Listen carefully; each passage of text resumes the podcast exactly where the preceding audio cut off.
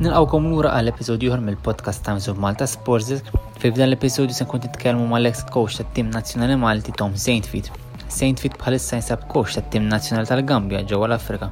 U miegħu infatti tkellimna kemm rigward din l-esperjenza, tajna ħarsa wkoll li tazza tal-Afrika li se tibda fil-20 ta' Ġunju u wkoll tħallna fid-dettall dwar l-esperjenza tiegħu kemm xi qasira mat-tim nazzjonali Malti. Palma tafu Saint Fit għamil ftit xhur kox ta' Malta fej fihom gwida l-tim nazzjonali Malti f'tliet partiti ta' biberija kontra l-Estonja, l-Lussemburgu u l-Finlandja fejn huwa dejjem ħareġ tellif u miegħu ċarajna xi ftit x'kienet is-sitwazzjoni li waslet ta' tkeċċija tiegħu. Nħeġġukom biex tisimgħu din l-intervista tant interessanti u nisperaw li niċċaraw xi ftit l-affarijiet dwar x'ġara meta hu kien fit-tim nazzjonali Malti.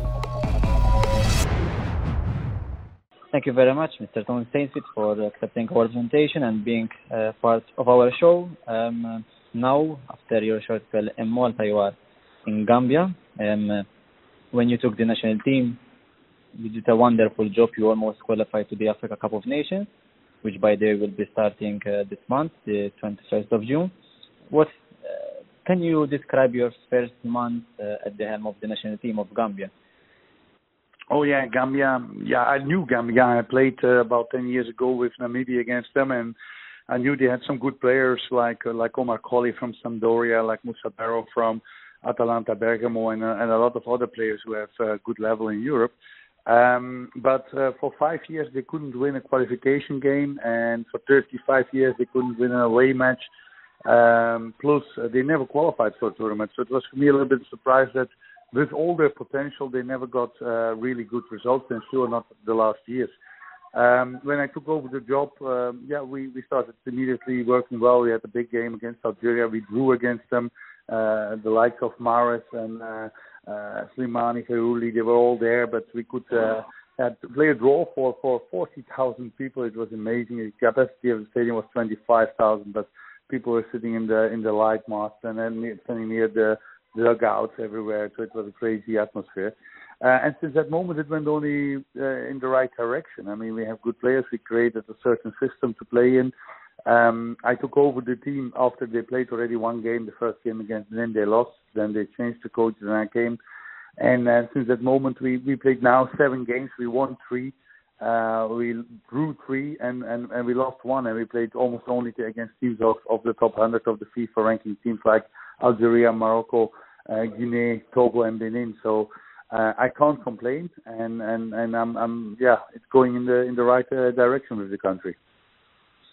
And uh, as you said, obviously you are coaching some some good players. You know that um, in African football there are a lot of countries, um, and maybe those who aren't really keen about African football do not know exactly the quality that every nation possesses. How do you see Yes. Gambia um, compared with some of the big countries? Do you think that actually the gap is not not that big? You know, like mentioned against Algeria, against other countries.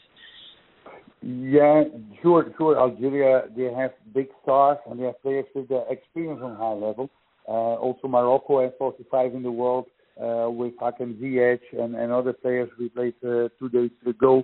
Uh, we won against them. They have not really the big stars, but we have a lot of players, like you mentioned, also in good leagues in Europe. Uh, for, for the Maltese fans who follow Italian football, uh, we have two players in Atalanta Bergamo. That's uh, Musa Barrow, uh, Ibrahim Akoli, uh, who play in the Primavera squad, but soon in the first team. We have players in Salernitana like Lamin Jallow.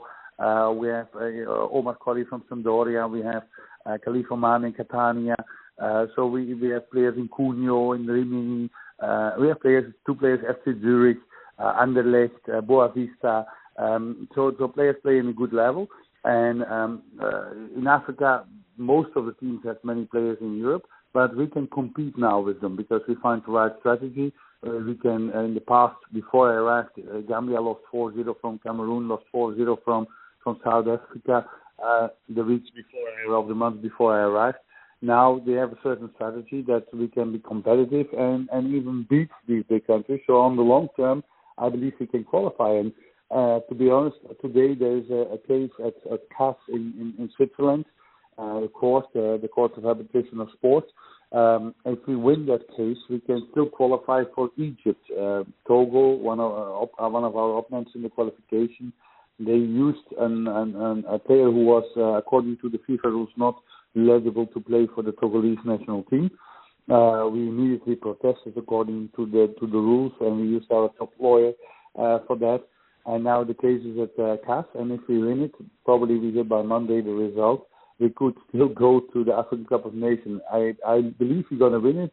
I only don't know if they're gonna include us one week before the tournament, but still a dream. And if we don't make it now, the ambition must be there to be in two years' time in the next African Cup of Nations because I believe really we have the quality for it.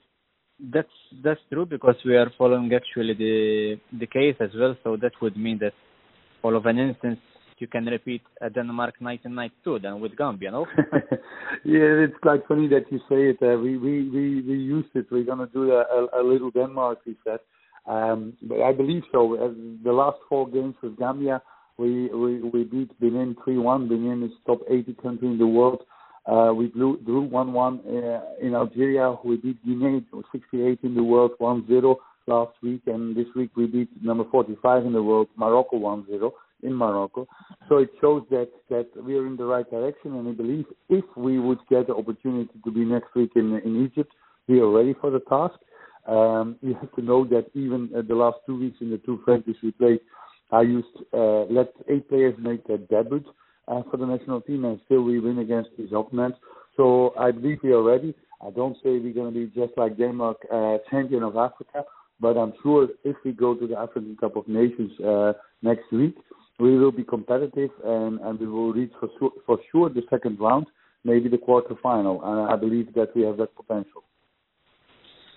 And uh, whether you whether you go to Egypt or no, do you see yourself as part of a an important project at, at Gambia? Yeah, uh, I, I when I when I came to Gambia, I agreed to a short-term contract. Uh, something when I came to Malta, many people didn't understand why I had many times uh, changed uh, federation, but the, the, the, the football culture in Africa and some places in in in in, in Asia is that uh, most of the time they have no long-term budgets uh, to appoint coaches. They appoint coaches most of the time for a certain qualification round, and when it's uh, done, they don't have a budget to sign a new coach. So I signed also with uh, Gambia first a nine-month contract, but after that contract, uh, they saw how impressive the the development was. When I signed, they asked me to be competitive. They were never dreaming about being able to, to qualify, and we are the first team in history of Gambia who were the, on the last match day still in the running to qualify. It's never happened before in the history of Gambian football. And now I have the highest point rate as a coach in the history of Gambian football national team coach.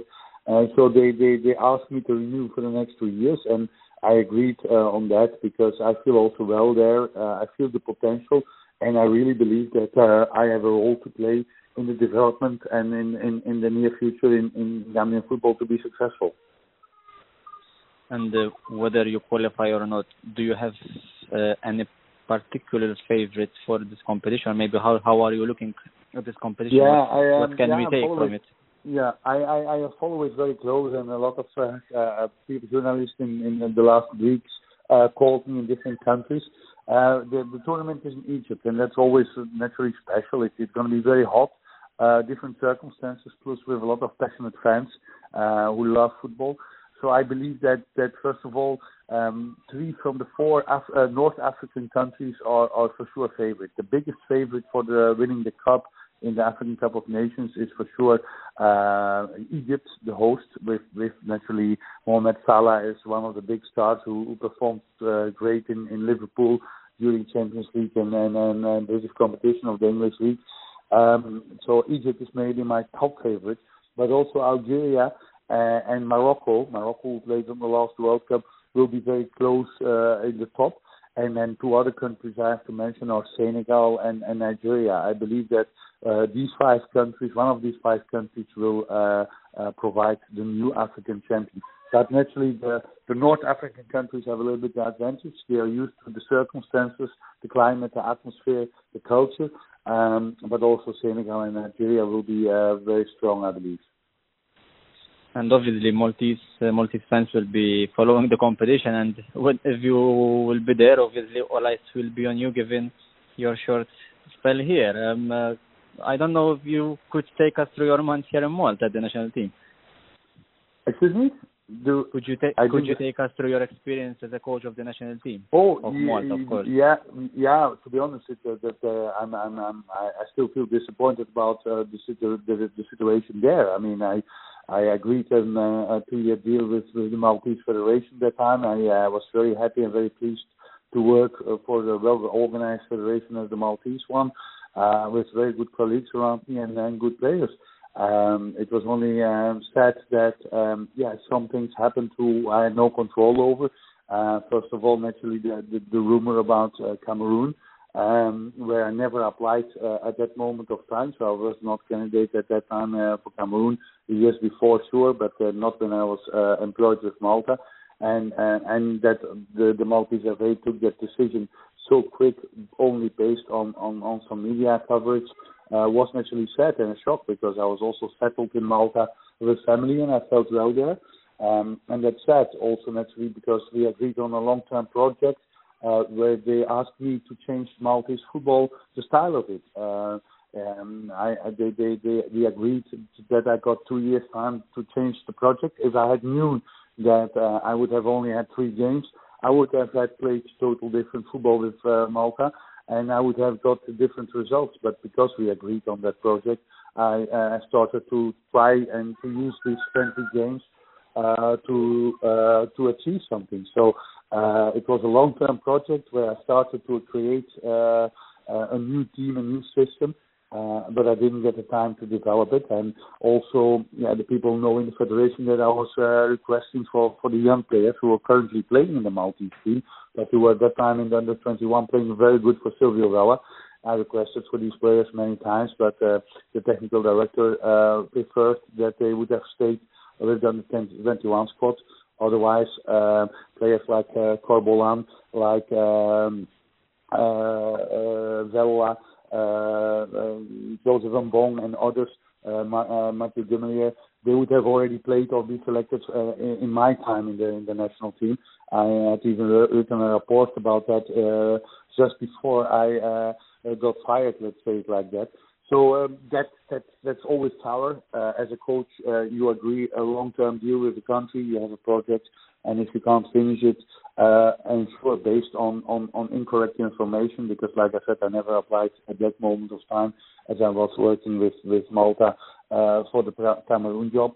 Uh, that's power, but uh, I'm happy that after that uh, I got opportunity with Gambia, and I prove all the critics right that uh, that I can create something and ultimately the current coach Ray Farrugia is kind of implementing a new system that actually um, you have tried in your first three games. So actually, um, you feel that uh, it wasn't actually an issue about the results that were not coming, a tactical issue. It was just kind of some kind of agenda that triggered all this, no?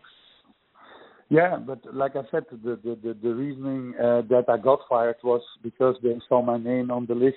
Uh, in in in, in, in my name on the list in Cameroon, and and that that that came. We never had a discussion. There was never critics inside the federation. We never had any conversation about that people were not satisfied with my work.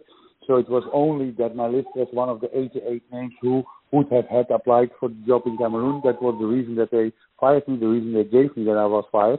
Um, so yeah, sure. I think that uh, that it's right to try to change a little bit the, the style of playing. It's sure right to introduce a very talented squad. I think the the, the, the youth coaches uh, Noel Turner and Silvio Vella did a very good job over the last years, uh, and they they developed very strong teams. Um, and Silvio proves it always with good performance in the under 21, and it's only the right direction to uh, include these young players in the senior national team to refresh the national team. And I started already, but Kyrian Nwoko, for instance, was made his debut under me. But I wanted more players in my team uh, that period of time. I, I was not allowed, like I said, because they had to play for the under 21. But I'm very happy for these players and for Maltese football that currently these players get the opportunity under uh, Ray Farrugia. Indeed, indeed, because you actually gave some of these players the debut actually, and now they are performing very well both at club level and uh, national team level. Um, uh, Tom, so before we wrap up everything, um, I hope that you win the case for Gambia, and hopefully we see you in Egypt. Um, uh, thank you very much for your time, and uh, I wish you all the best. Hopefully you can uh, get in touch soon, and maybe we see you back back in Malta. You never know. So yeah, for sure. I, I, for sure, I will visit Malta. Even uh, this summer, I will uh, uh, pass by. I was in last uh, last winter in December. I was a week in Malta. Uh, I love uh, Malta as a country. I have a lot of friends there, uh, and, and and also this summer I will visit Malta. And let's see, uh, the coming hours will be deciding. I think the chance is very small that we gonna be in Egypt, but uh, so as long as there is hope, uh, we believe in it. And uh, as, as soon as I have news, I will inform you too. Perfect. Thank you very much, Tom. We'll keep in touch. You're, you're welcome, Gianluca. Thank you. Thanks. Hemmhekk nirringrazzjaw lil Tom Saintfit għal ħin li ħa sabiex jitkellem mal dwar l-esperjenzi tiegħu fil-futbol Afrikan kif ukoll dwar l-esperjenza fil-futbol Malti. Aħna minna ħatana ħeġġukom biex tkomplu issegwu dan il-podcast fuq il-pjattaformi favoriti tagħkom fosthom Spotify u iTunes fejn intom tistgħu tisimgħu dirett jew nkella tniżlu sabiex tisimgħu dawn l-episodji għal kumdita tagħkom. Nħeġġukom biex tiqgħu magħna u seguna għall-episodji li jmiss.